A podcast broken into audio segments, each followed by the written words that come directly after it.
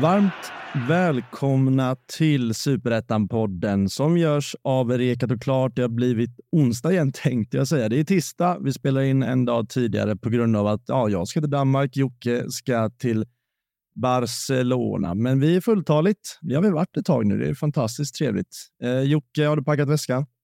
Den är packad och klar. Dock bara handbagage, men eh, jag är ju en herre så jag klarar mig på det. Ja, men det är väl shorts och tisha nu i några dagar. Mm, ja, nej, det blir ju lite,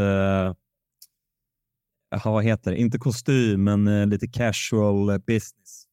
Ja, du ser. Det är kul att en av oss jobbar i någon form av rimlig bransch. Eh, Johan, du kanske också gör det egentligen. Ska jag inte snacka skit om det. Kinos du fiskar efter Jocke, eller? Nej, eh, jag vet egentligen inte vad jag fiskar efter, men det är inte shorts i alla fall. Det, då kommer jag inte in i konferenslokalen. Ja, ja nej, det är bra, bra med mig, eh, Harry, tack. Gott, gott. Eh, vi tuffar på vidare. Lelle, du är också här som vanligt. Ja, jag är här och eh, vare sig du vill eller inte så hänger jag med till Köpenhamn. Du, du valde att inte berätta det, men, eh, men då gör jag det istället. Jag ber om ursäkt för den. Eh, Jag är väldigt glad över att du ska med till Köpenhamn, eller det ska du veta om. Ja, det var roligt att höra. Eh, och eh, fortsatt serieledare, om man ska slå sig själv för bröstet så är det ju så. Eh, Mm. Men eh, en match i taget, som man brukar säga. Ja, det är så fint. Det är kul att det är nog första gången på x antal veckor som Jocke inte nämner sitt eh, kära Trelleborg och det var väl förlust senast, Jocke? Ja, fast det, ja, så blev det ju. Men du ställde ju inte frågan. Du frågade om min resväska var packad. Det var så Mm. du började. Men eh, så är det. Första förlusten sen i maj i, eh, man får väl kalla det tidig seriefinal mot AIK på Vångavallen. Men fortsatt två i serien, fortsatt plats upp till allsvenskan. Eh, och vi, eh, vi fortsätter att bli bättre på fotbollsplanen. Det är det vi strävar efter hela tiden. Han, eh, han menade ju om vi ska vara packad från Trelleborg efter torsken. Ja, han glömde också nämna att du skulle ut på resa imorgon också. Ja, det tycker jag är dåligt faktiskt. Vart ska du? Ockelbo away. Ja, vi har gäst idag också, eh, som vanligt. Och det har tagit lite för lång tid att presentera honom. I samtalet har vi Douglas Jakobsen, huvudtränare i GIF Sundsvall. Välkommen! Tack ska ni ha. Hur står det till med dig? Living the dream. kan man göra det som GIF Sundsvalls huvudtränare? Absolut, ja, men det beror på hur man ser det. Nej, men det är bra. Det är, ehm, ja, vi går in i en, eh, en uh, tät period av matcher här uh, kommande, så att ja, vi hade tränat efter ehm, matchen mot Utsikten här i, i söndags igår och sen ehm, så är vi lediga idag då, så att uh, eller i alla fall spelarna är träningslediga och uh, så laddar vi inför uh, Västerås borta på, på lördag och uh, som sagt matchen är därefter. Mm. Jag blir glad över att du svarar Living the Dream. Varenda tränare har ju alltid svarat eh, ut efter sin senaste vinst och ni vann ju faktiskt senast, så det kanske är så att du Living the Dream. Men om vi tar oss dit. Eh, du sitter ju faktiskt här med en viktig och imponerande trepoängare i ryggen. Hur var det på idrottsparken i söndags?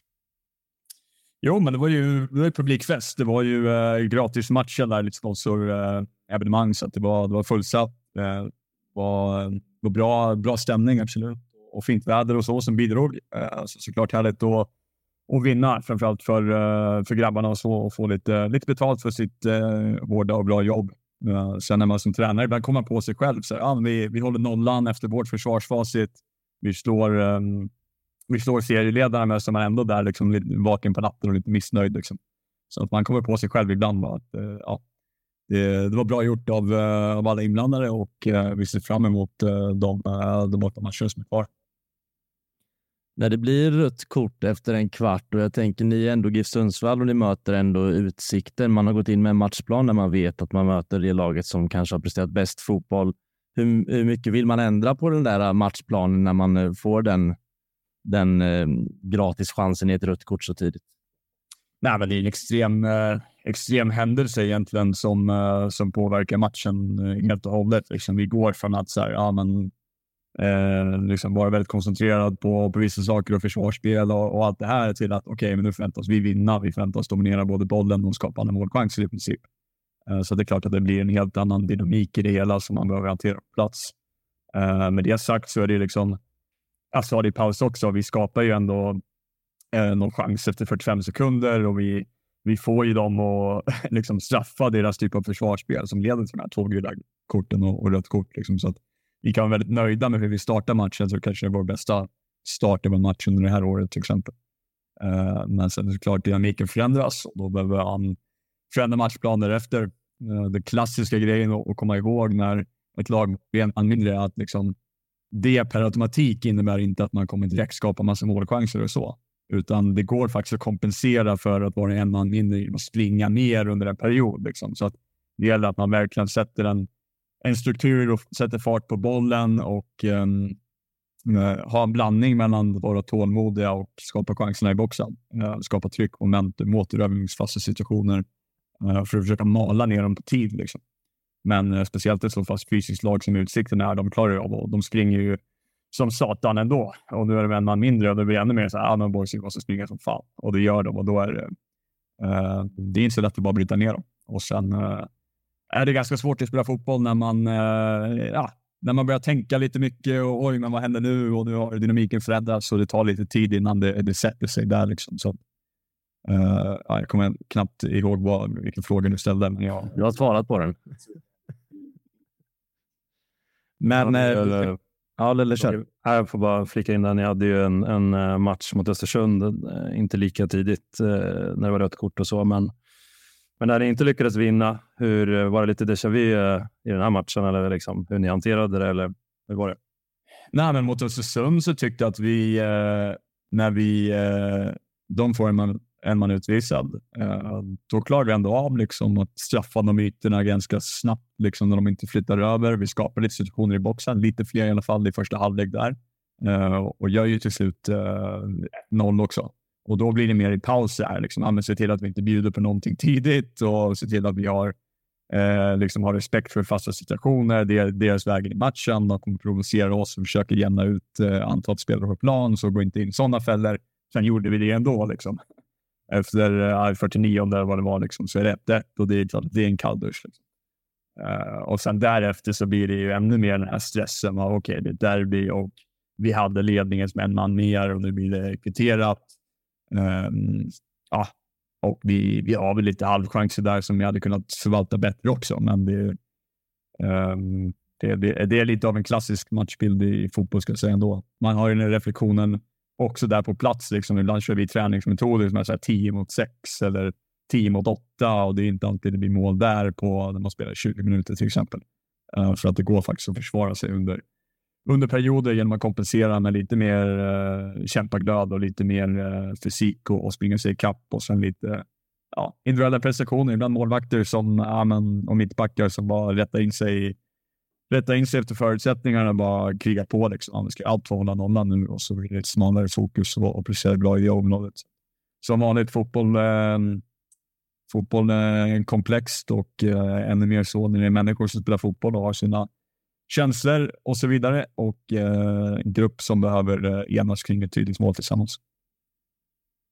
Ehm, nu kanske jag kommer ställa en, jag vet inte om det är en dum fråga. Vi, vi, vi utvärderar efteråt. Men det blir ju ganska uppställt spel efter utvisningen. De blir ju väldigt låga och vi står ju och rullar över höger, mitten, vänster och så tillbaka. Alltså det blir lite så. Det är inte så konstigt att det blir så. Men någonting som man noterar, vi skjuter ju väldigt sällan en sån här gång. Och jag förstår ju att man vill inte göra det. Man vill inte kasta bort bollen eh, och ge bort momentum eller ge bort liksom. Eh, men ändå också känns det som att sådana här gånger när de ligger så lågt så borde det kunna vara bra att skjuta mellan varven också. Hur tänker man där? Hur förmedlar man det? Förstår du frågan? Ja, jag förstår frågan. Nej, men det finns inga dumma frågor när det, när det gäller GIF Sundsvall heller. Så att, äh, men ähm, Nej, men absolut. Det är klart att det är en av de klassiska grejerna, att man maler ner dem och man, man sätter passningar i sidled ofta och så känner man att till slut är man ganska nära målet. Liksom. Uh, sen i vårt fall, det var typ mittbackarna som hade bollen. Mm. så här, de ska flyga iväg skott, liksom. ja, nej, typ ge dem en inspark eller skada något barn på västra läktaren. matchen. Uh, men um, så för mig handlar det, jag, jag uttrycker på det här sättet i paus, liksom, vi behöver färre spelare som vill ha bollen eh, vi fötter i någon form av uppbyggnadsspel eller utanför deras struktur och fler spelare som vill ha bollen inne i boxen. Eh, Men kan man inte skifta där då? Alltså mittbackarna mot en, en, en som har bättre skott. Om man nu kommer ha så långa perioder. Ja, ja, men det är klart man kan göra det. Alltså, typ, det är Rasmus Lindqvist än oss som har liksom, en bland de bättre tillslag i laget. Det är klart att han eh, hade kunnat komma där eh, och, och, avsluta, men samtidigt kanske det är hans indexfot vi hellre vill använda från vänstersidan till exempel.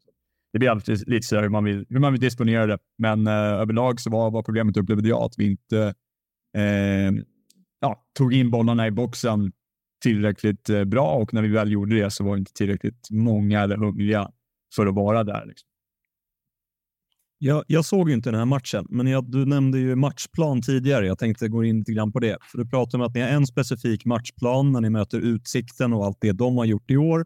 Eh, liksom i grunden ett högt aggressivt pressande lag mot att de får en tidig eh, utvisning. En liten parentes är att det är din gamla spelare, så jag misstänker någonting där. Men vi lämnar det eh, Och då när Utsikten då, som jag förstod det, spelar ett betydligt lägre försvarsspel hur snabbt når du ut till hela laget på planen att eh, ni behöver förändra er matchplan?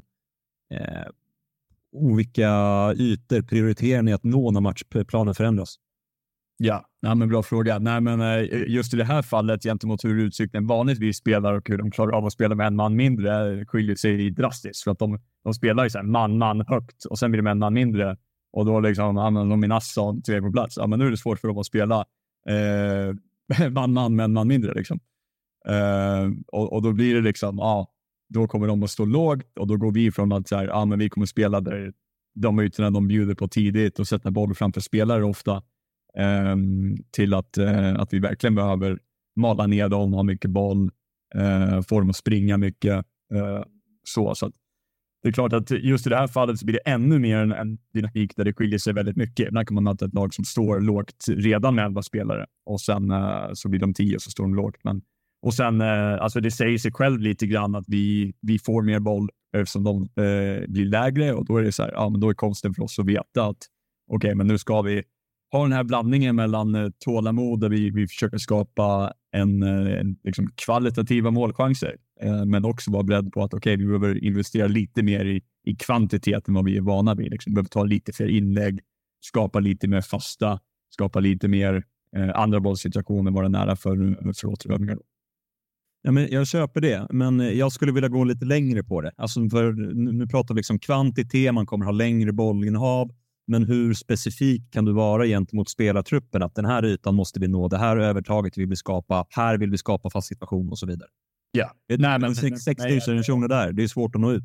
Ja, absolut. Nej, men det är svårt att nå ut och ännu mer när det är uh, väl 6 000 på läktaren här uh, också, så att det inte är så lätt att höra. Så att då blir det lite mer individuella instruktioner liksom, uh, till någon vid uh, vid någon skadepaus. Liksom. Uh, Linkvist till exempel, han löper runt oftare som vänsterback för att du ska slå inläggen. Liksom. Um, så uh, något med med Erik Andersson till exempel som eh, ja, droppar ut på högersidan och får foten inåt i banan och det är två spelare som ska slå i bollen för oss. Liksom. Och då ska man eh, agera därefter. Så. Det var en del sådana såna saker som vi pratade om mer i paus kollektivt och kunde sy ihop. Det är klart att det går i tankarna av att man, man ska ha någon form av taktisk paus så att man kan diskutera saker, men samtidigt så kanske man riskerar att ge motståndarna mer tid att omorganisera sig och, och granska kring sin grej. Så att för mig var det mer så här, okej, okay, försöka sätta igång ett bolltempo så att de får springa mycket. Um, och sen uh, ja, så att de får, får bränna sitt krut i första halvlek så att vi förhoppningsvis kan, kan mala ner dem över uh, på, i 90 minuters match. Liksom.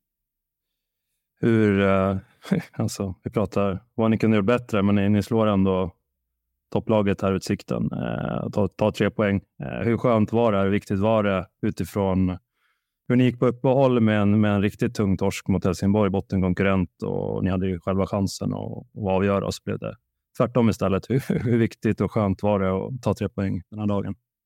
Nej, men det var nog, alltså jag har svårt att svara på de där frågorna och tala för hela verksamheten för att eh, så här, jag försöker vara så kalkylerad som möjligt och så här, ja, jag inser allvaret allting, men jag kommer inte låta, alltså jag försöker inte låta massa känslor påverkar min beslutsförmåga eller, eller, sådana bitar. Så att jag försöker vara ganska stabil i det hela. Men det är klart att, att för spelarna det är jätteviktigt att de, eh, de får vinna matcher och att de får, som jag sa inledningsvis, eh, betalt för sina arbetsinsatser.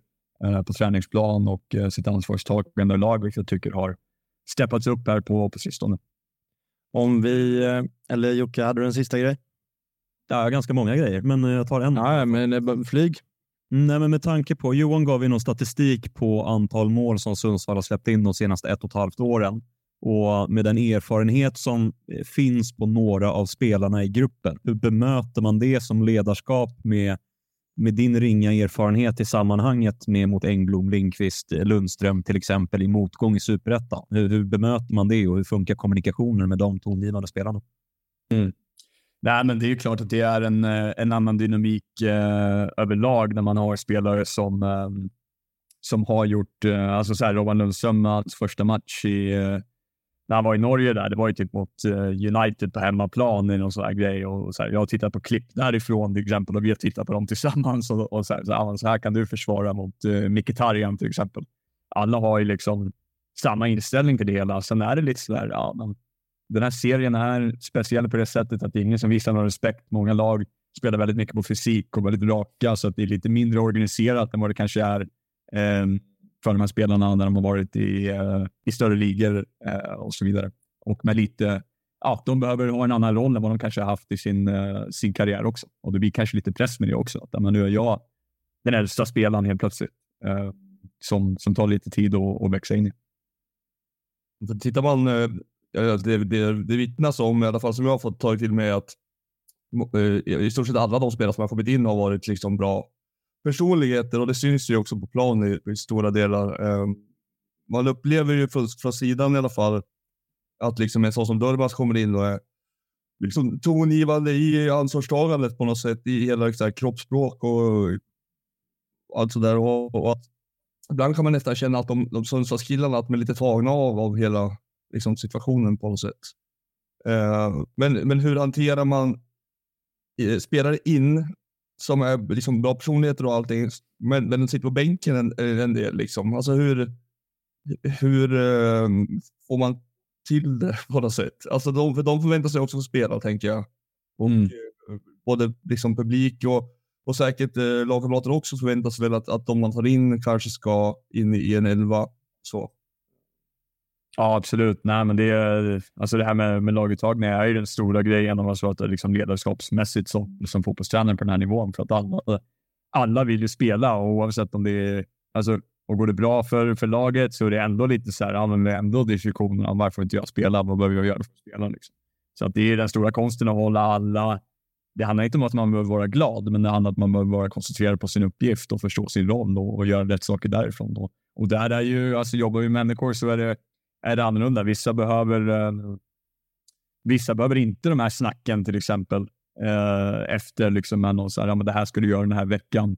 Utan för dem är det mer liksom, ja, men de taggar till och, och de kör och de eh, ja, men kanske med lite mer erfarenhet sätter, eh, sätter bästa foten eh, fram och krigar på och vissa andra behöver verkligen liksom någonting väldigt tydligt och väldigt pedagogiskt. Så det är lite det där eh, fingertoppskänsla och känna mottagaren för kommunikationen också. Då. Uh, sen håller jag med om att de spelarna vi har tagit in i sommar har varit, absolut varit, uh, eller är karaktärer som, uh, som verkligen bidrar i, i, gruppen. Det var väldigt viktigt för mig när vi, vi diskuterade vilka typ av uh, fotbollsspelare vi ska rekrytera i, i sommar. Så var väldigt viktigt för mig att ja, vi rekryterar spelare, spelare som verkligen vill vara här och vill göra allt och, och känner, det som, eller känner sig som att, ja, men lite det här living the dream-känsla oavsett vart man ligger i tabellen eller vad, ja, vad folk har för bild eh, av oss som lag eller vad det nu är. Att man, man verkligen kommer hit och känner att man kan bidra och vill bidra. Ja, någon som sa det efter matchen senast till mig att, eh, att skillnaden den här matchen kanske kontra många andra eh, var just att, att de som byttes in eh, presterade på, på en högre nivå. Det, det, var känslan också som, som jag hade. Um, men någonting som har också roligt och som kanske ser ihop hela den här utläggningen jag haft här. Eh, Ludvig Svanberg var med i en podd igår och berättade att han trivdes extremt bra och han spelade ju sista, liksom, vad blir det, 15-20 känns det som. Mm. Eh, där han inte kan gå. Han spelar ju forward då. Och eh, på frågan om, om eh, att han liksom, varför han gjorde det när han ändå tillhör Hammarby och så där, så sa han att eh, jag trivs så himla bra här, jag har blivit så himla väl omhändertagen och vill liksom ge allt. Eh, så det var liksom ingen diskussion. Om de ville att jag skulle spela så, så jag göra det. Och det tycker jag, det sänder jäkligt bra signaler och det, det säger ju också någonting om, om uh, vad ni har fått till med gruppen när, man, när det har gått så jädra tungt. Man har ändå har en liksom, inlånad spelare som, som har den inställningen. Så det, det är något som ni kan eh, klappa er på axeln för tycker jag. Ja, nej, men absolut. Det är um, vi har, som sagt de, de karaktärerna vi får in som, som människor i, i grunden är, eh, är grymma. Liksom. Eh, och det har vi ja, försökt ta så stora eh, eller så bra referenser som möjligt från tidigare tränare och, och, så. En del av de här känner jag sedan tidigare. Såklart. En del har jag haft i, i mitt lag till och med. Uh, så det är ju det, det, är viktigt när man rekryterar spelare överlag att man, man tar de här referenserna och vet lite grann vilket virke man tar in och, och kan vara trygga i det. Um, samtidigt som, eh, alltså, jag kan betona det och eh, tycker som är, som är åtminstone lite bidragande till den här situationen, det är ju den typ av gruppen vi ändå lyckats skapa. Det är inte någonting som jag känner att vi har fått fram tillräckligt ofta innanför linjerna på fotbollsplan. Men det är någonting som jag upplever har varit eh, en styrka för oss. Eh, att vi har fortfarande, till och med när vi hade de här nio matcherna utan seger till exempel, så hade vi eh, fortfarande en ganska välmående grupp. Liksom. Eh, jag tror absolut att det var andra grupper som hade fallerat under den tiden. Så att, eh, det var ett ganska starkt fokusområde för, ehm, för både, både Tommy när han tog över som sportchef och även mig i mitt sätt att jobba som, som tränare och, och verkligen investera i att få, in en, få till en bra grupp som förstår värdet och förstår att i ett fotbollslag så är man varandras miljö. När jag var på träningen såg, jag tyckte det var extremt bra inställning och väldigt så, de spelarna verkade må bra. Det var, jag tror det var efter sex eller sju raka utan seger. Mm. Det, det, som är frustrerande är att se det på träningen och se stora delar och sen komma ut i match det, där det, det är liksom, ja, det borta som kanske är botten upp eh, som man vill glömma liksom. Det, det, det, vad, vad är det som klickar där? Vad är det som gör att, att man inte tar med sig det från veckorna? Ja, nej, men eh, jag håller med. Det är uh, något som har varit liksom, uh, allra mest frustrerande för mig egentligen under den här, den här tiden. Bara känna att okay, men just nu är vår styrka mer kanske som grupp än fotbollslag, men vi får inte ut det tillräckligt konsekvent i våra matcher. Liksom. Uh, det Skövde till exempel. Där är det en sån typ av match man verkligen behöver ha det här krigarinställning. Vi krigar för varandra. Den här grupp mer än fotboll. Det liknar mer rugby egentligen. Liksom. Men uh, Eh, men, det, men det lyckas vi inte med då. Liksom. Och lite det här annan slutet på matcher och när man, eh, man går på knäna rent fysiskt, men man kan lyfta varandra lite grann med, med gruppen. Då. Och där är det så här, alltså jag tycker grupp, eh, processer överlag är ganska komplexa eh, och därmed är ju svaret varför vi inte får ut i matcher också ganska eh, komplext. Liksom. Mm. Men det är någonting som vi har försökt utvärdera efter varje match också, likaså som vi utvärderar fast situation eller någonting väldigt specifikt inom, uh, inom fotbolls, eh, uh, inom själva spelet fotboll. Då.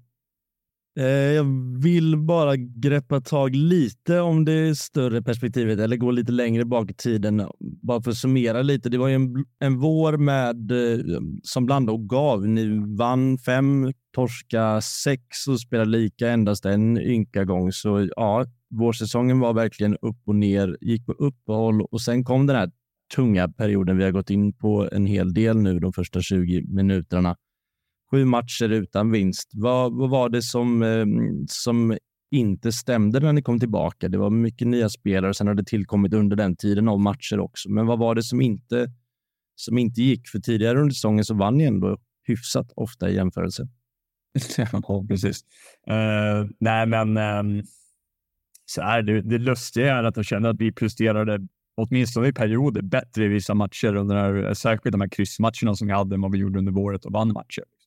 Eh, så så det är alltid den där dynamiken också. Liksom, att resultatet, prestationen och så, men, eh, men även att se tendenserna över det större. Det är ju ett par av de här kryssmatcherna. Vi hade väl fyra raka kryss tror jag där.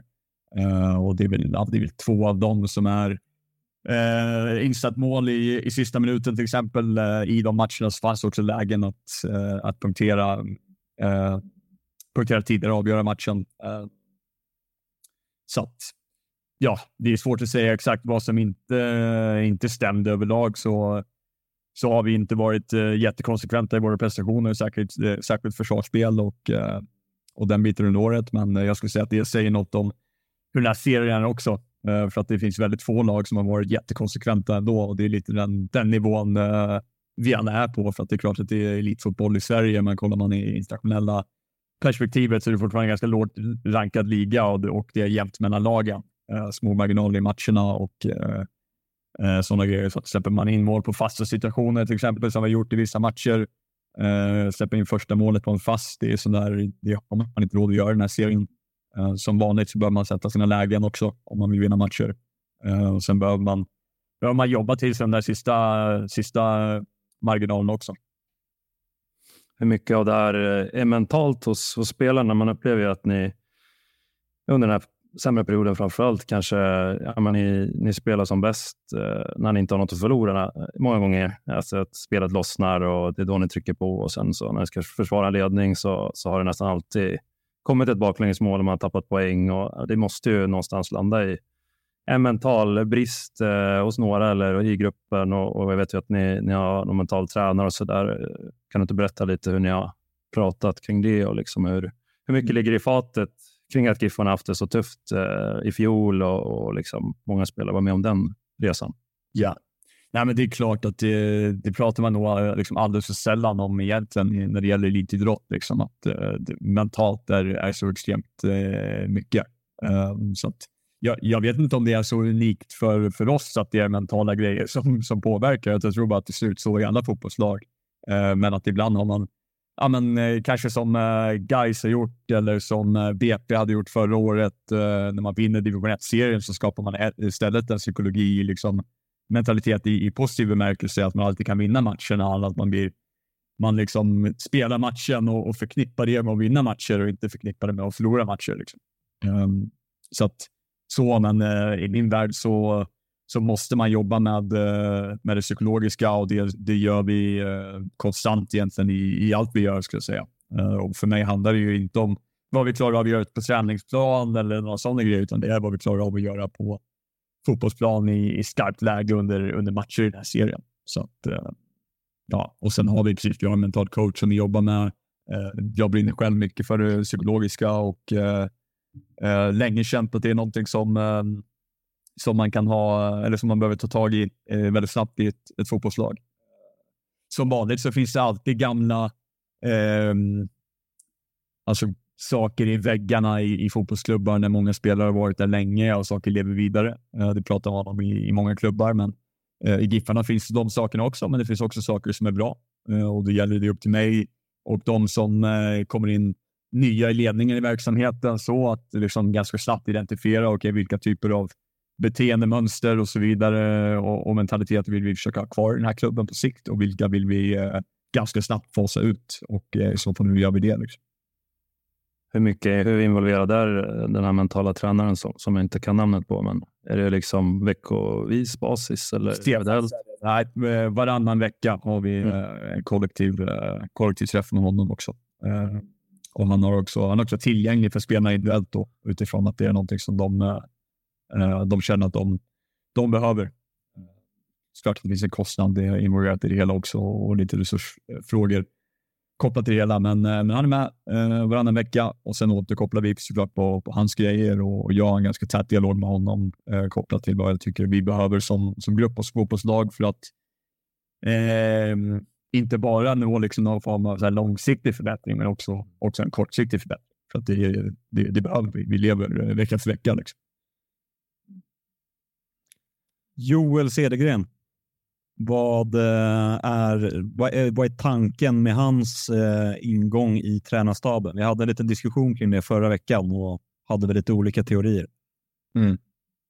Ja, nej, men det är ju ehm, eh, sportchef eh, Tommy Nardin som har eh, som har satt den här lösningen så att eh, han får för, eh, liksom förklara exakt vad, vad, hans tanke med det hela är. Men eh, för min del så handlar det om att vi, jag upplever att det är en, en professionalisering av vår verksamhet. Alltså att vi får en tränare till. Um, som, uh, alltså som det har varit nu så har det varit jag och min ass Benny Mattsson som har uh, gnetat på med egentligen uh, allt i alla uppdrag. Uh, så och um, Sen har vi Fredrik Karström som har varit uh, som är övergångstränare, men han, samtidigt är han anställd 100 procent på skolan till exempel. Så det är inte så, så lätt för honom att uh, ja, vara med fullt ut på eftermiddagarna när alla beslut ska tas och så vidare. Så att eh, ja, nu får vi en, en, en förbättrad resurs i det hela, någonting som liknar uh, mer hur det kan se ut i internationell fotboll där vi har, uh, vi har målvaktstränare på plats liksom, som är specialist inom, inom målvaktsspel och sen Joel som har eh, mm, ja, extra skarpt öga på försvarsspelet under den här tiden. och Benny har till exempel mer kring fast situationer då och jag syr ihop det hela och ja, tar du snacket med spelarna när de är missnöjda att de inte får spela och så vidare. Och sådana uppdrag som också behöver göras. Eh, så att för min del eh, innebär det någon timme mer sömn per, eh, per natt. Liksom. Jag är ganska tacksam för och överlag så tycker jag att det är, det är bra att vi professionaliserar verksamheten för att vi, tränar, vi som tränarstab kan, kan ge bättre förutsättningar till spelarna att prestera och det är det det handlar om i, i slutändan. Uh, ja, Lelle? Ja, men jag tänker just med Joels tunga bakgrunden då inom, inom Giffarna, eh, att han varit huvudtränare och Eh, varit med om, om eh, goda och dåliga tider sådär. Eh, blir inte, och han har haft flera spelare i laget. Eh, man kan ju se en risk bara utifrån. Vi är inte där på träningsplanen och vi vet ju inte. Men att ja, men vem, vem bestämmer lite sådär. Jag menar, han, han har ju ett ganska stort, ett, ett skarpt CV liksom. är det inte lätt att ni trampar varandra på tårna?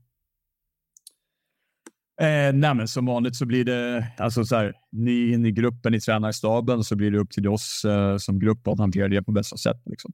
Och, eh, ja, det är väl upp till mig som, som huvudansvarig att sätta de gränser som jag tycker är, eh, är rimliga. Och, eh, så här, det är jag som står för, för resultaten utåt. Det är jag som kommer att snacka med Martinsson eh, på läktaren när vi förlorar till exempel. Så att jag kommer att göra de sakerna som jag, eh, som jag tror på. Eh, och ehm, ja, sen jag känner inte Joel sedan tidigare. Jag, jag vet bara om hans som, som säger, CV och så. Uh, jag måste agera utifrån den, den människa som jag har lärt känna under den här, den här tiden och, och ge folk... Uh, mm. um, eller ja, lite, man är lite så här arbetsledare som huvudtränare för att man har de här systemen under, eh, under sig som ska få utrymme och, och liksom vara sig själva, bidra med de sakerna de är bra på. Uh, och sen försöka hitta eh, att, att vi kompletterar varandras egenskaper. Och det tycker jag att vi, vi är på god väg med under den korta tiden vi jobbat tillsammans. Och givetvis så kommer det vara en startsträcka med det som det alltid är för en ny grupp som jobbar tillsammans. Men eh, något som man behöver eh, investera i också. Ja, där blir det tyst för en halv sekund. Eh, Douglas, vi har pratat i över en halvtimme nu och jag vill egentligen bara tacka för att vi fick eh, sno din tid. Ja, det är lugnt. Vad gör man inte för Superettan-podden? Mm. Tack. Fett fina ord. Eh, lycka till mot Västerås här som komma skall. Ja, tack. Tack så mycket. Ja, grabbar. Eh, det är en trevlig prick den där doggen ni har i er klubb, eh, Johan. Eh, mm. Jag vågar inte riktigt säga Dogge, men det kanske jag skulle ha gjort. Det känns som varenda en jag någonsin pratat med kallar honom Dogge. Ja, han heter coach Dogge på Twitter, tänker jag, så det borde väl vara det åtminstone för att man ska få Ja, Eh, mycket sant. Men eh, ja, vad tar du av det här? Du pratar ju med honom eh, ganska ofta som jag har förstått. Men fick du ut här som du inte har fått innan? Jo, men jag tycker att han är, tillgänglig och, och han, han svarar ju på mycket. Sen så kan man ju läsa in saker utifrån vad han svarar. Jag tycker mig kanske eh, känna någon slags Joel-grejen att den, eh, ja, jag vet inte.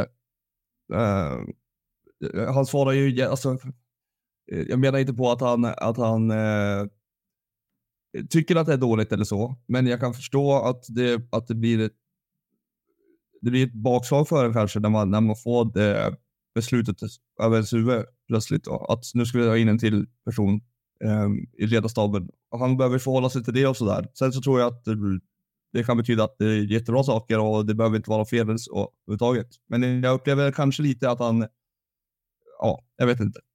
Mm.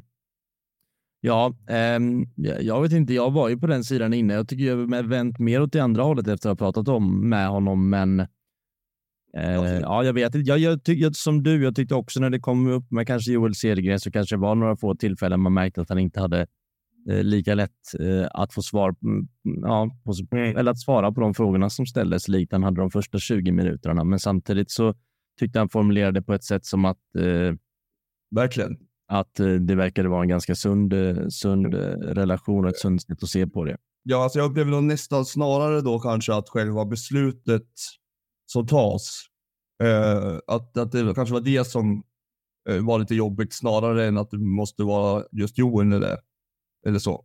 Mm. Utan att veta någonting om, om det. Men, men utifrån svaret så, så kunde jag känna så. Lelle, vad Ja. kände du kring samtalet?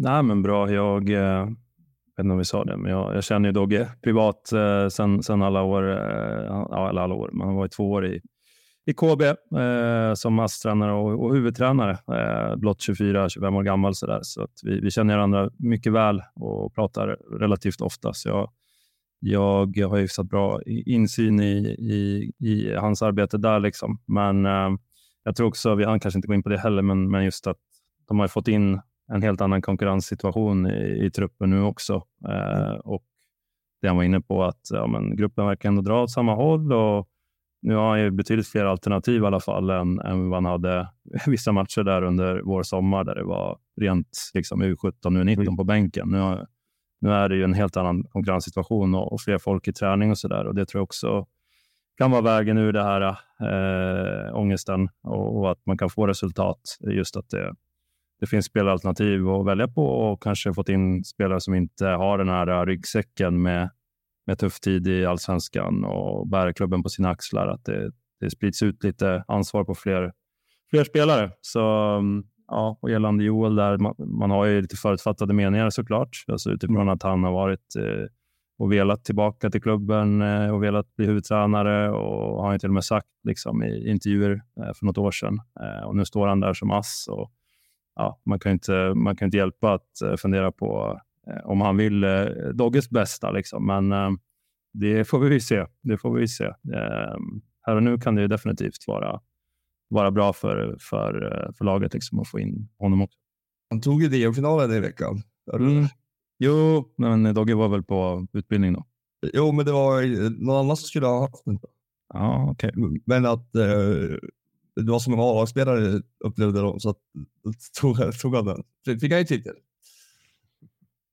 Viktigt att vinna titlar. Det Ja, verkligen. ser bra ut på CVt. Släppte in tre mot Luxor för sig. Ja, vi får se. Men eh, Johan, vad, vad var känslan då? Kommer ni re- reda ut där? Det är mycket kvar, men... men... Ja, men alltså jag, jag, jag tycker, så har jag sagt det förut tror jag, hela den här, alltså efter uppehållet så har det ju sett ganska förbättrat ut, måste jag säga. Eh, jag tycker att eh, det är, eh, att vi har lite för få poäng om vi ser till, till de matcherna. Alltså vi hade ju fyra raka tror jag, kryss eller vad det var då. Eh, vi släppte in dem senare mot Örebro, eh, ja, men det är Östersund där vi har en man mer och, och hela den biten. Trelleborg för all del och sådär. Eh, så att, så att jag, jag, jag tycker det, och kollar man på, på slitet i, i helgen och även om, om de tar över och har lite boll, jag tycker inte de skapar skitmycket jättefarliga chanser. Jag tycker att eh, det säger en del och som sagt om Ludvig Svanberg som, som väljer att spela 20 minuter. Ja, kan det i stort sett inte gå Eh, och sen uttrycka sig på det sättet som man gör efteråt det är väldigt hedervärt och det säger någonting om att gruppen ändå känns eh, intakt och jag får rapporter om att eh, det är väldigt bra karaktärer och bra människor som, som har kommit in, de nya spelarna. Så att jag, jag tycker att det känns eh, i den misär som vi ändå lever i så finns det hopp om livet. Mm. Vi har pratat Sundsvall en hel del. Eh, jag sätter stopp för det nu. Eh, vi ska prata om andra matcherna. Eh, Johan ler. Eh, vi ska också ta lite snabbt. Eh, jag bara gick igenom ett eh, nyhetsflöde för att se vad som har hänt i Superettan. Det är inte jättemycket mer än hur matcherna har spelats och hur de har gått. Eh, lite kul måste, måste nämnas när utsikten går som de går. Bosko har ju varit och vevat lite i GP såklart. Eh, och jag, jag ska inte göra detta till en större grej än vad det egentligen är, för det är ingenting stort. Men han får lite fråga kring Ja, men i, en, i, ett, I en större text med Bosko, en större intervju, så kommer de in lite på att Utsikten gick in i, i säsongen med den äldsta truppen och han, han nämner ordet åldersrasism. Och, eh, och att eh, ja, det är helt enkelt, eh, det spelar ingen roll om någon är 16 eller 35, den som är bäst ska spela och lite sådana enkla argument. Så det var lite kul. Jag vet inte om ni har någonting ni vill säga kring det. Jag har uttryckt något efter matchen. Jag försökte leta det jag, efter den här matchen. Jag har inte... Inte hittat något. Han ligger lågt. Men eh, ja, alltså det, är ju- det är ju ett recept på snabb framgång möjligtvis, men, men för att få en såklart som alla förstår. Att få en ekonomisk långsiktighet i, i en trupp så, och i en klubb så kan du inte ha 30-åringar som springer runt. Rö- Röda kortet bara, kan vi bara, bara jättesnabbt avhandla det? Vad- Har ni sett det? Ja, Vad tycker ni? jag tycker det är, det är gult. Alltså det ska vara rött till slut. Ja, ja, ja, ja precis. Jag tycker också det. Mm. Bra. Eh, och sen en annan lite roligare sak tycker jag faktiskt. Eh, och det är ju den här tjänsten som har blivit ganska stor som man ser på Simor, som man ser på Fotbollskanalen, Playmaker AI, som har simulerat allsvenskan. Eh, eller superettan menar jag såklart. Eh, även allsvenskan som jag har framför mig. Men eh, det är inte så mycket som egentligen går att ta av det. Men jag tycker det är lite intressant att detta var inför omgångarna som spelades nu. Men då var det alltså enligt den här tjänsten 2 chans att guys går upp till allsvenskan. Ganska Oj. lågt. Mm. Det får man säga. Så det är 2% av tillfällena, eh, ungefär cirka 2000 av 100 000 simuleringar. Eh, Så gick eh, guys, eh, tog guys kvalplats och under 0,1 procent så tog de direktplats. Körde de eh, simul- simuleringarna på CM 0102 tror jag? Vad sa du? Simulerade de i CM 0102? Jaha. Eh, jag vet inte. Ehm, så det tyckte jag var lite anmärkningsvärt. Ehm, eh, och mer än så vill jag egentligen inte ha sagt. Jag vill bara konstatera att de är emot oss som vanligt och så ska vi ta oss an matcherna. Du kan sluta drömma. Det är, det är liksom statistiskt nästan omöjligt. Hur var det för J Södra med Tränargate? Eh, jag vet inte. Det, det har inte heller kommit någonting. Alltså, de har ju stort förtroende där i Max. ja, Så han, han, sitter, han styr väl den där skutan nu. Eh, Ja. De senaste åtta matcherna har ju Jönköping sju förluster och ett kryss. Av alla spaningar vi har eh, retat varandra för den här säsongen så jag vet inte vem som hade den. Jag tror faktiskt det var Jocke såklart, men eh, någon av oss sa väldigt tidigt att när J Södra låg liksom topp sex, tror jag till och med det var, att J Södra åker nog ut här. Det ser onekligen ut som att de går den vägen till mötes. tar du på dig Jocke? Det låter som någonting som jag hade kunnat slänga, slänga, slänga ur mig. Skjuter vilt och ibland träffar man. Ja, jag tror faktiskt vi får ge dig den Jocke. Eh, sådär. Ja, det tystade Johan. Vad fint. Eh, vi har pratat om en match i princip, men väldigt mycket intressant med Dogge. Eh, men eh, jag vill gå till den första matchen som spelades den här veckan. Eh, I alla fall på mitt schema så står det AFC som tog emot ÖIS. Eh, ett ÖIS som äntligen, eh, får man ändå säga, för deras del tar en trea. Eh, och det är nyförvärvet som gör det vid två tillfällen. Eddie Five, vi varnar lite för honom. Att han... Ja, jag visste att det skulle komma dit. Jag tänkte på det när han gjorde så mål. Vem gjorde assisten då? Båda två. Vad sa du? Och vem gjorde assisten då? Båda två. Holmén? Vad menar du? Ja, just det. Sen var det Dahlqvist till Kristoffersson tror jag. Mm. Eh, men ja, nej, men det, att de skulle få träff på någon värvning nu måste ju, det måste ju ske. Jag menar, inför säsongen så hade de några bra namn. Nu har de fått till några bra namn. Är det en otroligt viktig seger för ÖIS här. Mm, inför derbyt också, va? Så ja, det var hyfsad nytändning och X-factor i, i Silicify. Uh, alltså första målet är ju det är riktigt vackert. Ja. Riktigt bra anfallsspel av honom där. Det är väl en match till innan derbyt. Ja, det är det. det, är det. Ja, ja, det är en till. Just det. Jag blir bara lurad av all reklam man får eh, på Twitter och så. Mm.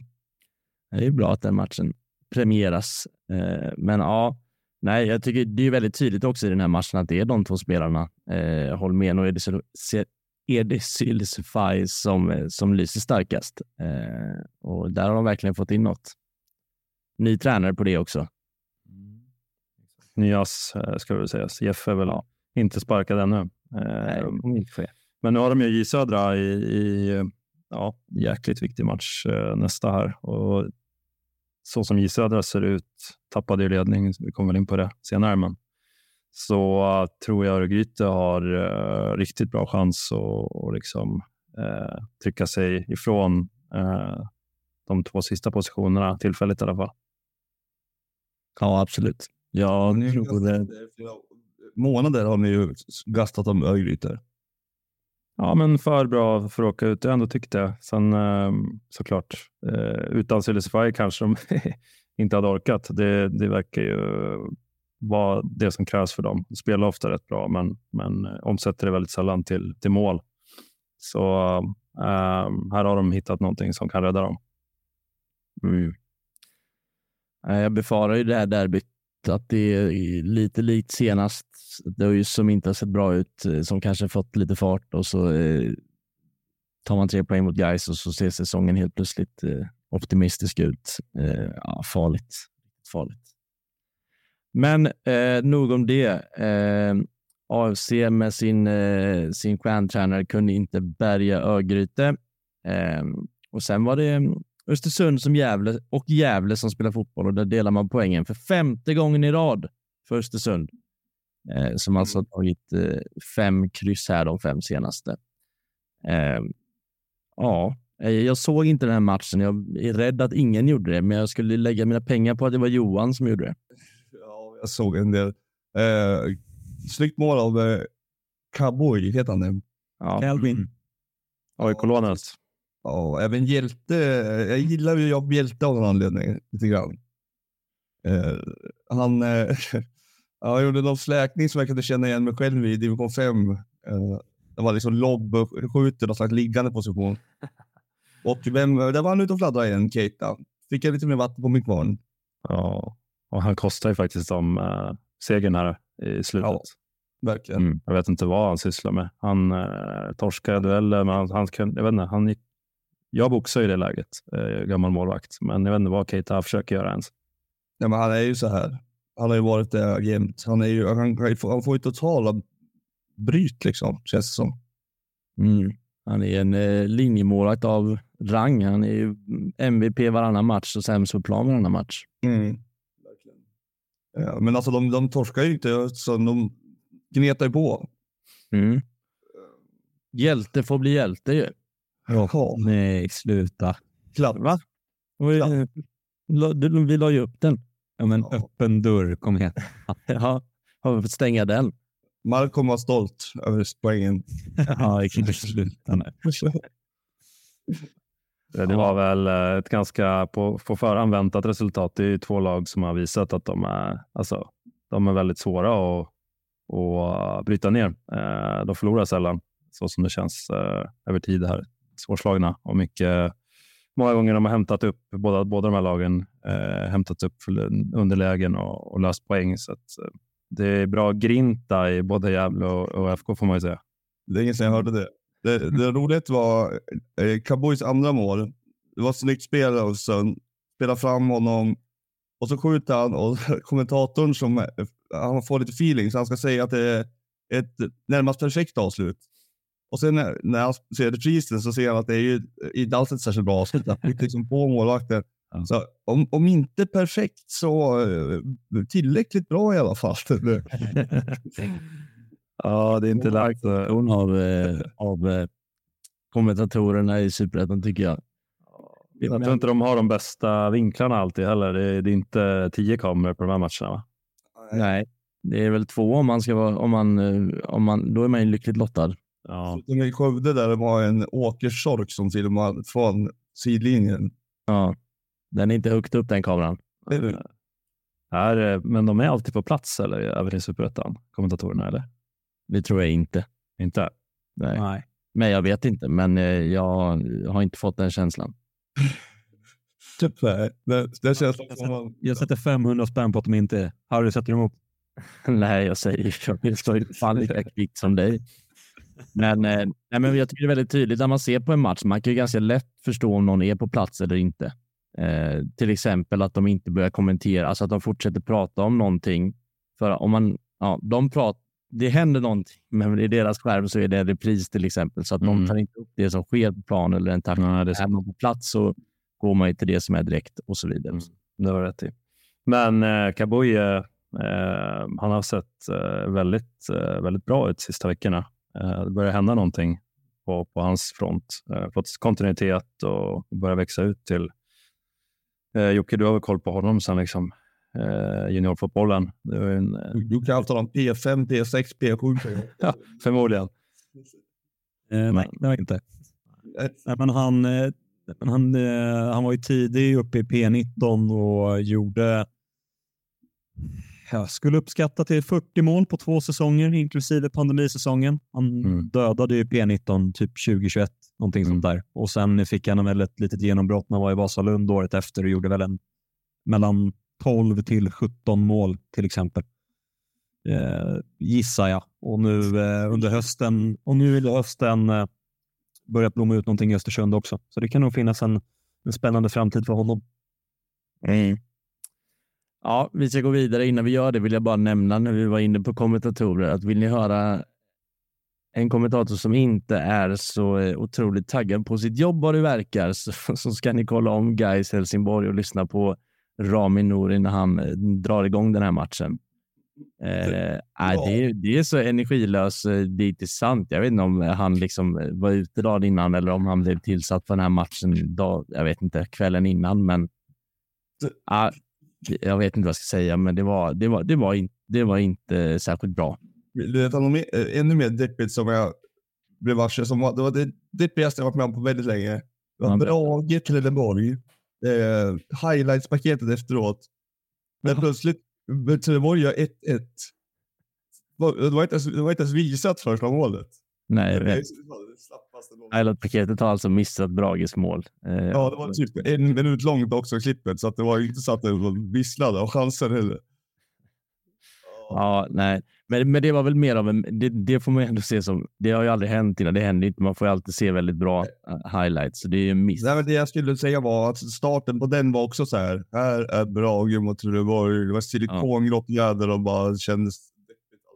Det är lite trist. Ja. Det är trist tycker jag. Ja. Ja, det är Ja. klart att det är. Men ja, vi går väl till Brage Trelleborg.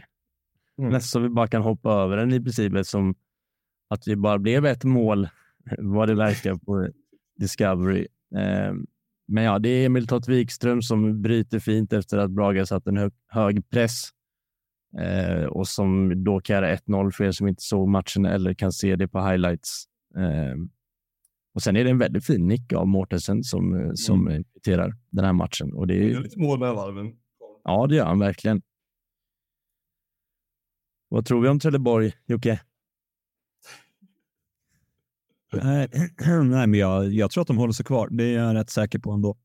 Mm. Jag tycker att det börjar eh, utkristallisera sig mer och mer vilka som eh, kommer vara där nere, nere i skiten liksom, när, när det ska avgöra. Och jag tror ändå Johan att, eh, nu är det i vad jag tror betyder ju inte någonting, men eh, jag tror ändå Sundsvall kommer klara sig kvar. Det är botten fyra tillsammans med J Södra och IK Break, tror jag, Mm. kommer vara där nere. Och favorit av dem säger jag ändå Örgryte, av de sex. Kan du nämna topp tre största, eh, alltså de sakerna som Trelleborg har haft svårast med i år? Eh, kontinuiteten, eh, det är väl eh, det absolut tydligaste. Eh, de, eh, de har jag inte siffror på det, men jag har för mig att de inte har startat med samma start 11 två matcher i rad. Eh, och kanske någon enstaka gång. Eh, de har använt, eh, det blir ju en eh, sub, eh, subdel på den frågeställningen. Men nu ska vi se hur många mittbackar de har använt. Andersson, Stenmark, Busche, Vittiko, Tobbe Karlsson, Dahini. Ja, var det sju stycken? Ja, sex tror jag du fick upp, men det är säkert en du missar. Ja, ja men det, det, det blir ju svårt eh, när man inte får den kontinuiteten. Så, så är det ju utan tvekan. Eh, Ja, vi hade så i fjol ju. Vi hade inte samma start, det var två matcher i rad en enda gång. mm. Det går inte. Nej, då går det som det går.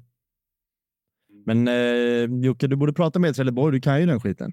Jag, jag skämtade ju med frågan egentligen. Jag trodde inte att jag skulle få svar. Det var det. Ja, Nej. Nej, men alltså, ni vet ju situationen, men det är klart, Jo, alltså, jo, jo. saker kan man ju prata om, men Ja. det blir ju självklara saker som alla liksom kan se eller läsa sig till. Ja, men ju- alla läser sig och ser inte de här sakerna, så det är väldigt tacksamt att du kan ge oss detta. Vad hade du gjort om du var Stefan Jakobsson? Det kan du väl svara på? Vilka underpresterat i Trelleborg i år i din mening? Nej, men eh, Pierre Larsen ju, gjorde ju assist direkt till en. Han pratade vi om för någon vecka sedan där, Köge, Mm. nyförvärvet, eh, som ska göra väldigt mycket assist och det är hans andra match nu han gör assist direkt, så det är något positivt i alla fall.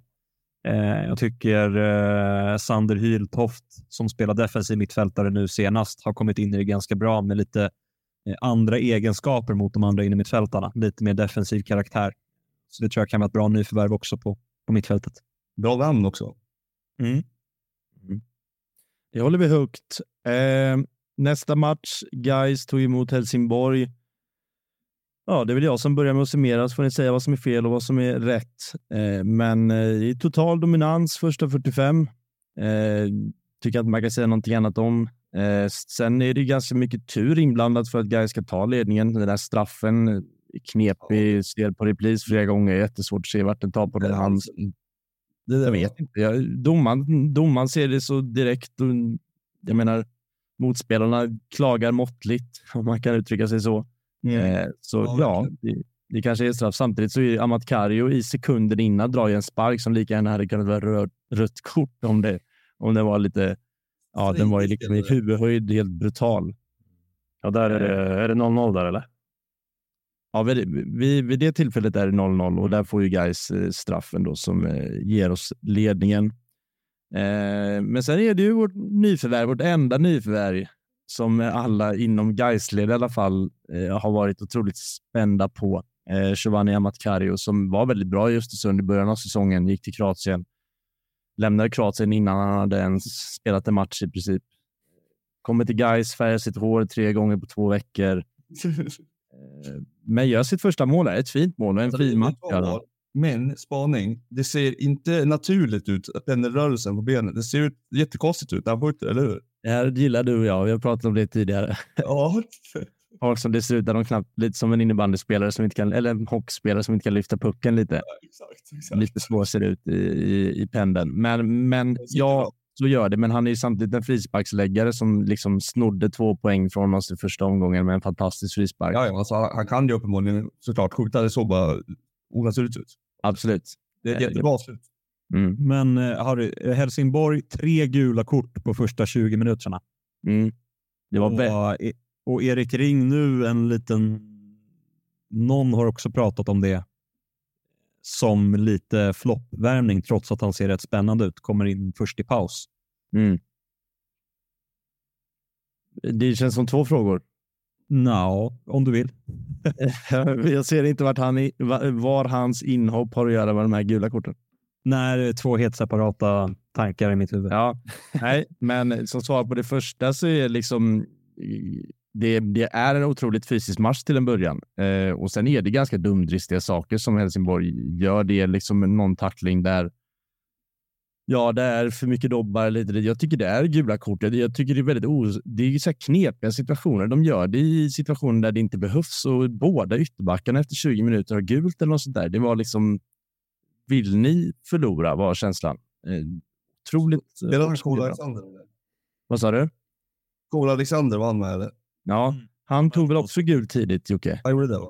Och Han tog en jättekapning mot oss också, så han såg väldigt opolerad ut. Ja, men den är väl nästan den enda jag kan försvara om jag minns rätt. Jag kan banne mig fel, men jag tror det var liksom att han, han stoppar ändå en farlig kontring. Sen var det ju tidigt och det Ja, kanske var ja. det smartaste beslut, men den är väl den som man kan backa mest i egentligen.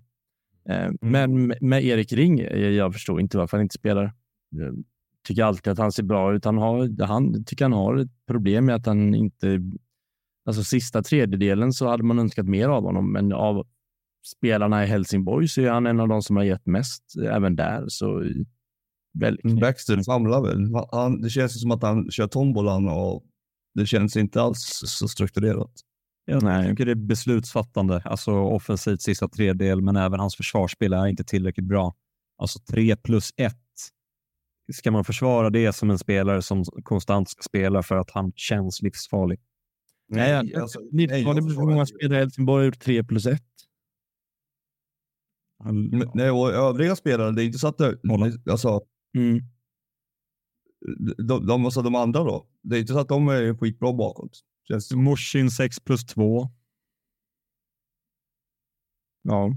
Eh, eh, Al-Hamabi 4 plus 0. Det är svensk fotboll som källa, så det kan ju ha missats någonting här. Ja, men det, det är där krokarna, förutom Mushin. Mm. ja, nej, Erik Ring har ju också spelat väldigt mycket, så absolut. Alltså, han har väl underpresterat, men eh, ja. Eh, Många som har gjort det. Ja, men man, gjort? det hjälpte inte att värva eh, två nya backar till den här backlinjen. Då. Vilar. Nej, men Jon Birkfeldt drar ju också hälsenan typ direkt. Ja, är det så? Oj då. Ja, han går ju, ja, han, jag vet inte om han drog hälsenan, men det var ju absolut allvarligt. Jag borde egentligen ha läst nu efterhand vad det var, men Mm. han kunde inte gå efteråt. Och han, jag vet inte om han grinade, men han liksom låg ju så helt fördärvad ut med tröjan över ansiktet och Mm. gick av plan och fick byta direkt. Det var absolut allvarligt. Känslan är ju... fortsatt knäskadad. Vad sa du? Och Thomas Rogne fortfarande ba- borta med knäproblem. Mm. Känslan är Och, ju... sämst på plan är ju Villar. Ja, det, det var. men han var inte stark var han inte. Det var, det Sen- var spaning som jag vill ta på mig ändå. Ja, faktiskt. Eh, målet och Aqua, jävlar vilket avslut. Ja, det är ju jävligt segt att ha en 2-0-ledning, gå in i halvlek där man totalt dominerat motståndarlaget och det första som sker är att man bara tillåter dem göra ett ganska simpelt men fint anfall som hamnar på Aqua som har varit jättedålig i första halvlek. Um, Rami Nouri var ju väldigt hård på honom och kritiserade honom ganska rejält eh, under första halvlek. Eh, och så gör han det målet och så är matchen igång helt plötsligt igen. Eh, Sen rider väl Gais ut den vågen ganska komfortabelt. Helsingborg har inte jättemycket chanser, men det blir match igen och Gais gör en jättedålig andra halvlek. Varav vi får 3-1 som är mega offside eh, på hörna. Bra lag. Vad, vad, vad gör, vad gör linjedomaren? Alltså helt ärligt. Det är så fruktansvärt tröttet gjort så att det är overkligt. Där, där är jag inte med dig faktiskt. Va? Det är två stycken. Eller? Ja, nja, första är ju, eller alltså, inte, jag tycker det är hur svårt som helst att se i, i, när det sker första gången. Nej, men då, det är, ju- det, du bara tittar på linjen. Han står ju vid linjen. Det, det är ju ingen helsingborgare som har stolpen ens. Nej, men det går ju liksom... nej, nej, jag vet, men... Ja, nej, alltså det är ju offside, det är jättetydligt offside, men du kan, du kan inte säga emot att det är en väldigt knepig situation som att det är en spelare som skjuter i stolpen, så den går på en spelare som går i mål och den spelaren Jo, bak. men, så, det står ju två spelare och skjuter på varann. Där de är ensamma. Det är klart som fasen att, eh, att det måste bli offside. Alltså, Det är bara logiskt. utförsmetod måste, det- det måste vara offside. Ja. ja, nej, jag tycker i realtid att det var väldigt svårt vem av dem ens som var sist på bollen, vem, vem som var längst bak eller vem som var längst fram. I efterhand är det ju jättetydligt. Det är klart det ska vara offside, det är klart det inte ska vara mål. Eh, eh, så det, nej, det, det är ju dåligt gjort av domaren, absolut, men jag tycker man eh, av alla sådana felbeslut så tycker jag detta är ett som jag tycker ändå var svårt att se. Lelle? Nu var ju inte det här en match som eh, Helsingborg ska vinna på, på förhand. De kan ju vinna den med, med tanke på att de har bra spelare. Men, men återigen så, jag vet inte, jag tycker på tal om flopp så måste jag säga Stuart Baxter. Det är för mig Ja. en jätteflopp. Det, Ja. Jag ser liksom inte eh, vad som ska ta Helsingborg ur det här. De har liksom inget, som jag pratade om förut, de har inget, inget grundspel att falla tillbaka på. Och man har ju hört att de anpassar sig väldigt mycket till motståndet och jag tycker ja, men bara varningarna i i början, det tyder lite på, eller mycket på att det är ett lag som rent taktiskt, rent strukturellt inte har så mycket aning om vad man gör tillsammans. Man spelar liksom kanske lagdel för lagdel och man sitter som inte ihop som enhet och, och de här motgångarna som kommer under matcherna gör att man blir ännu mer osäker. Eh, Sista målet också. Det är inte så svinkul att ta med sig det till nästa, nästa match. Släppa in det där. Vad, vad, vad sysslar de med? nej, är det hörnan eller? Nej, det är. Kryger som... Maradona. Ja, ja, ja. Nej, visst. Och det är liksom, Viktor Kryger ska kanske inte få göra sådär, tänker jag, om man ska hålla sig kvar.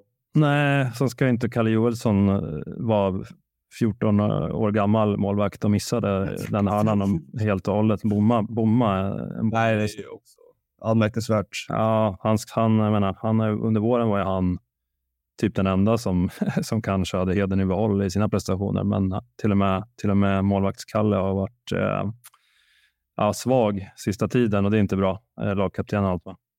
Löper känns det som att han har, eh, ja, han springer upp sin kant där.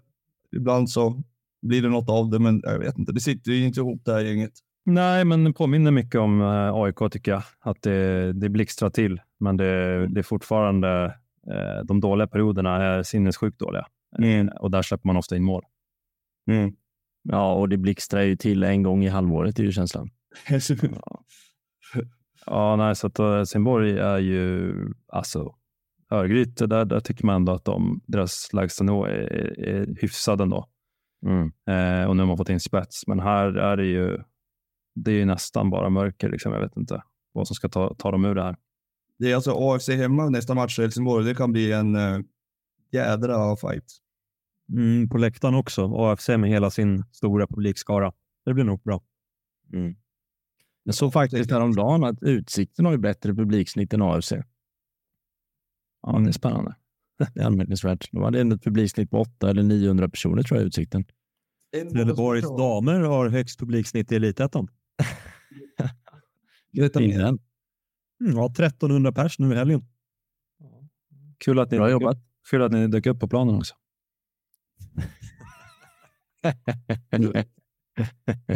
Ja, ja, när de väl kommer så sviker de Jocke.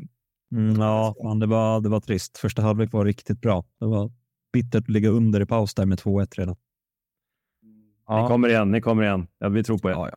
Fan, det, ibland förlorar man, ibland vinner man. Men det är Mm. vunnit 30 raka eller något innan, så att en förlust kanske man kan hacka i sig. Mm, absolut. Vad är högst sannolikhet då? Att Gais går upp eller att Helsingborg åker ner? Att Helsingborg åker ur. Ja, Fan. det är ju givet. 100 procent. Du har ju ett Öster som, som äh, hade till och med målvakten gör mål. Liksom. Så att, menar, Ja. där, eh, där finns det lite mer konkurrens på något sätt. Eh, medans och Helsingborg har redan ett litet gap att ta igen och, och det andra lag som har lite mer positiv trend ovanför sig.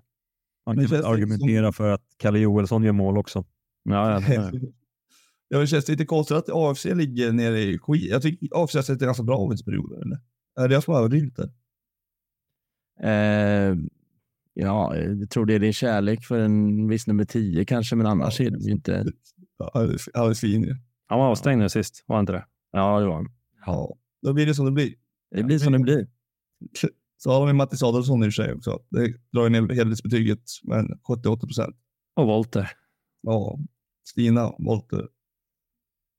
Ja, två matcher kvar. Örebro med vad jag vill tro årets målrikaste match. Jag kan inte minnas att det har blivit åtta mål i, i Superettan den här säsongen i en enskild match. Eh, Återigen jag, vad det svängde. jag tänkte på det igen. När, du- när du, du ofta nämnt eh, försvarsspelet i Superettan. Mm. Det var, eh, det, det var saker att anmärka på. Mm. Är det något speciellt tillfälle du vill prata om eller är det bara i stort? Ja, jag tänker båda Skövdes första två mål tror jag att man hade kunnat ha gjort bättre ifrån sig på. Eh, sen var det en del snygga mål. Eh, Kron eh, ser ju vass ut. Då.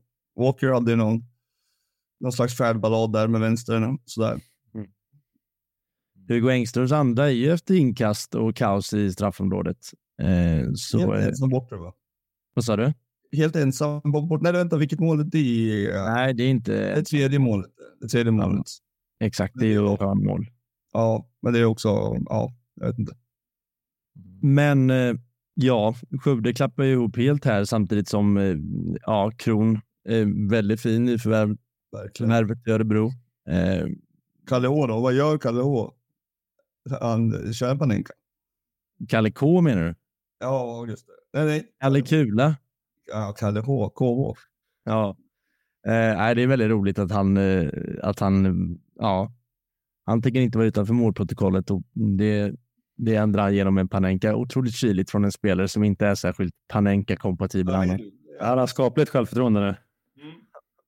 Men eh, jag vet, alltså ÖSK, det är ju definitivt ett topplag nästa år om man får behålla eh, nyckelspelarna här. Det ser ju det ser väldigt, eh, väldigt bra ut sen, sen sommarfönstret.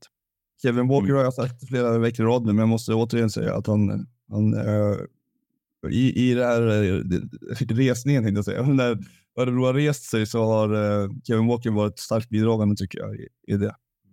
Men där släng in Lukas Schlimon som vi inte pratat om så mycket. Varit riktigt bra. Mm. Och sen, eh, ja, nyförvärvet målvakten i Skövde har vi pratat om en del. Han är ju verkligen blandat i ett. Det är inget, eh, det är ganska många gånger han ska göra det bättre i den här matchen. Eh, så han får ju ta på sig en liten bit av den här förlusten. Delvis frisparken, men också första, vad är det första målet de gör tror jag. Så frisparken är, ja, ska man få bort tror jag. Mitt Ja, det ska han verkligen.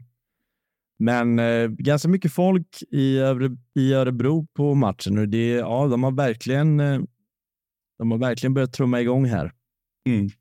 För sent dock. För sent såklart. såklart. såklart. Eh. Men eh, ja, det måste ändå vara en ganska skön känsla i Örebro. Att, eh, det, de verkar ha kul när de spelar. Mm. Det syns. Ja. Sommarens bästa värvning kanske blir Kalle Holmberg. Mm. Det När vi summerar det hela. Klart. Finns, Mm. inget, finns väl ingen annan ens Det är i konkurrens. Nej, inte än så länge, men jag menar det är ju lika många matcher kvar som har spelats sen uppehållet. Så Jo. Matkario kanske har 6, 7, 8, Han 9. har gjort åtta mål redan, Kalle Holmberg. Jag vet, det är sinnessjukt. Pepparna får skynda sig om man ska få vidare. Ja.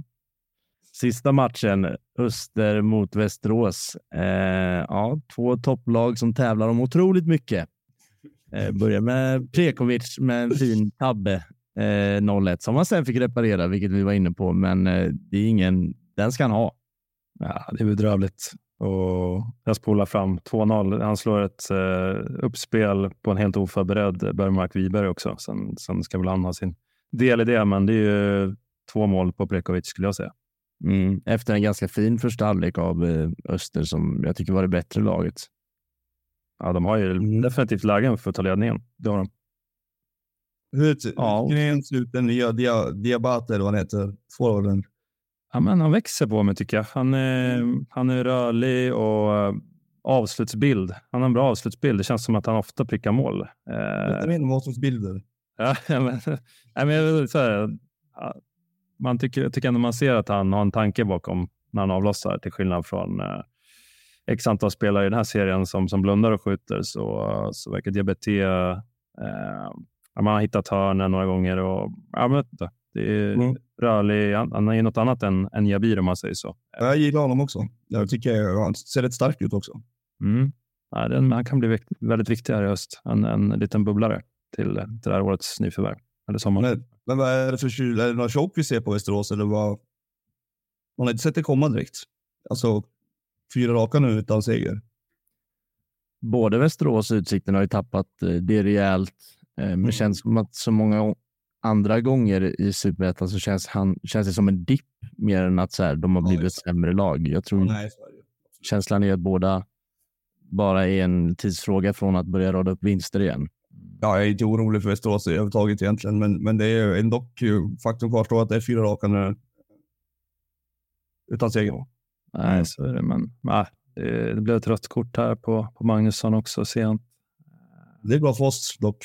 Ja, ni slapp ju, vem var det ni slapp Utsikten? Ja, Hedlund. Så ni har lite, lite flax just nu med, med spelare borta. Vet du vad du har Hedlund? Bra timing. Vad var det för publiksiffra här till slut? Då? Det var väl eh, 10 000? Eh, det var ju, att... Oj, var det så? Nej, men det var ju gratis. 9 875. Jävlar, det är ju ruskigt bra. Ja, det är ju jäkligt bra. Kul. Bra, eh, bra publikomgång för Superettan, får jag. Mm. 66 stod det på oss. Det var kanske inte 66 på plats, men. Eh, man hoppas att de var kvar på plan eller kvar på läktaren i 90 plus 7 då. De ja, det är väl bra ändå, eller? Alltså det är... Ja, det är ju ofta bra på att tajma såklart. Alltså, det kommer jag ihåg själv när man spelade, att när man väl kom upp så var man ändå, jag gjorde aldrig något nickmål, men man var ofta, så här, oftast ganska nära situationen och störde, oroade. Mm. Ja, men det, det, det faller ju ganska, alltså i ens fysiska attribut som målvakt så faller det ganska naturligt att man ska vara en bra fotbollsspelare. Man är Ja. ofta hyfsat orädd, hänsynslös och lång. Och ja, timing Ja, är någonting som... Ja, just det där med timing. Man, på isolerade träningar, fastän vad man har stått och liksom nött in och bollbanan, eh, läsa bollbanan och sådär såklart. Kommer du ihåg när Fredrik Sundfors gjorde mål på övertid mot Häcken borta och domaren blåser av när bollen är på väg över mållinjen? Ja, det är otroligt. Otroligt. Det här suger. Ingmar Sundfors. Men eh, det, det första jag reagerar på när Prekovic nickar in den här bollen, det är liksom den uteblivna euforin. Tänk Ja, eller hur? Jag tänkte exakt samma. Det är liksom så. Målvakt hoppar upp och nickar in den 97 och han typ knyter näven och de andra går fram till honom. och ja, Det är som att de... Ja, typ ett handslag och så kliver de vidare och gratulerar. Ja, de är chockade allihopa. Eller så var de besvikna över hans tidigare insatser. Så att, De vill inte ge honom den. Liksom. De ska ju liksom slänga sig över honom. Men det är, som, det är så. Gratulationer, nu går vi vidare till mitt plan. Hämta bollen, gå för 3-2. Ja, Ja. kanske är ett argument. Vinnarmentalitet. De ville vinna. Super- Superviktigt mål för Öster. Det är, ju, det är, det är fem poäng upp till Västerås. Det är ja, alla gånger. Definitivt. Ja, eh, verkligen. Ehm, ja, det känns som många av lagen har varandra kvar också, så det mm, ser hur det slutar. Som sagt, jag har sagt innan, med Gais utsikten i sista omgången, det känns som att det kommer stå mycket på spel då från båda lagen. Pratar ni... Tabellen. Vad sa du? Fyran och femman i tabellen sa jag. Vilket är det tredje laget som ska förbi Gais? Gävle. ja, okej. Ja. Pressa sig förbi. Leo Tänkte Englund. säga något, Lennart? Eh, har vi pratat om Ishöder och Landskrona? Nej, Nej. det måste vi göra. Det får vi inte missa. Det är väl den sjukaste domarinsatsen av alla. Vad fan sysslar de med? Avgörande 2-1 målet också. Ja, den, eh, ja, man lider ju med, med södra fansen. Alltså. Det, är, alltså det är väl är det fyra meter offside och det- de, de måste ju... Jag har inte sett någon förklaring. Han, står på, han hoppar ju över bollen typ två meter framför målvakten. Och påverkar ju definitivt spelet. Jag, jag antar att domaren menar då att han inte påverkar. De kan inte ha missat att han var eh, ej i linje så att säga. De ska inte hålla på och, få för sig massa saker, domarna. Nej, det, det, var, det, det, var ingen stark, stark sekvens från domaren. Det, det är ju väldigt tydligt att han, att han stör. Eh, Ja, det där är, det är, ju- alltså, det är inte kul för Södra. Vad är det, åttonde raka eller vad är det? Ja, det är väl åttonde raka utan vinst, vet jag i alla fall. Ja, Mm. ja, Bara det är sju förluster ett kryss. ja, Ja. De har, sen eh, Abdullah lämnat tror jag, räknade jag med sju mål totalt. Eh, Mm. Och de har gjort en del strut under säsongen, så att det har ju kostat det där. Det har det gjort. Sen uh, hade Karim, tyckte jag väl ändå, eh, i alla fall i, tidigt i matchen, uh, visade ÖIS, för, ÖIS, det konstiga nyförvärvet från ÖIS, att ÖIS släppte Mm. någon till en bottenkonkurrent. Men eh, ja, jag tyckte väl ändå han visade att eh, han eventuellt kan vara eh, en räddare för det här laget i någon mån. Eh, sen så är inte han en, notorisk målskytt. Det måste Silverholt göra, till exempel, som i den här matchen. Eh, men det var bra nyförvärv känns det Det var någon eh, Jönköpings-supporter som skrev att de, för att Silverholt har ändå gjort sex mål nu. Eh, han är ju, ja, absolut kommit igång lite grann. Han byts ju ut i paus Ja, ja. Det undrar man ju vad det berodde på. när de leder med 1-0 liksom. Och alla har gjort målet. Mm. Men de har ju presterat så pass dålig fotboll att det kanske när man leder med 1-0 i paus så kanske de kände att vår största chans är att stänga igen den här butiken. bytte in, en annan forward.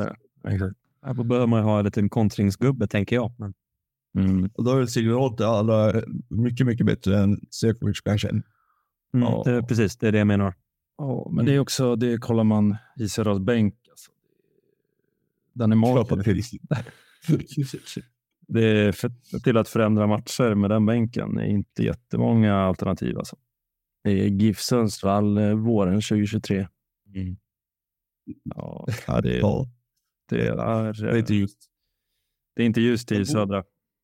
Bok gjorde assist. Han, det måste vara första poängen han gör på väldigt, väldigt länge. Så han gjorde ju mycket poäng som helst första tio omgångarna typ. Ja, han gjorde ganska mycket poäng. Det känns som att han gör mycket hockeyassist också däremot. Men eh, ja, han är ju en av deras absolut viktigaste offensiva spelare.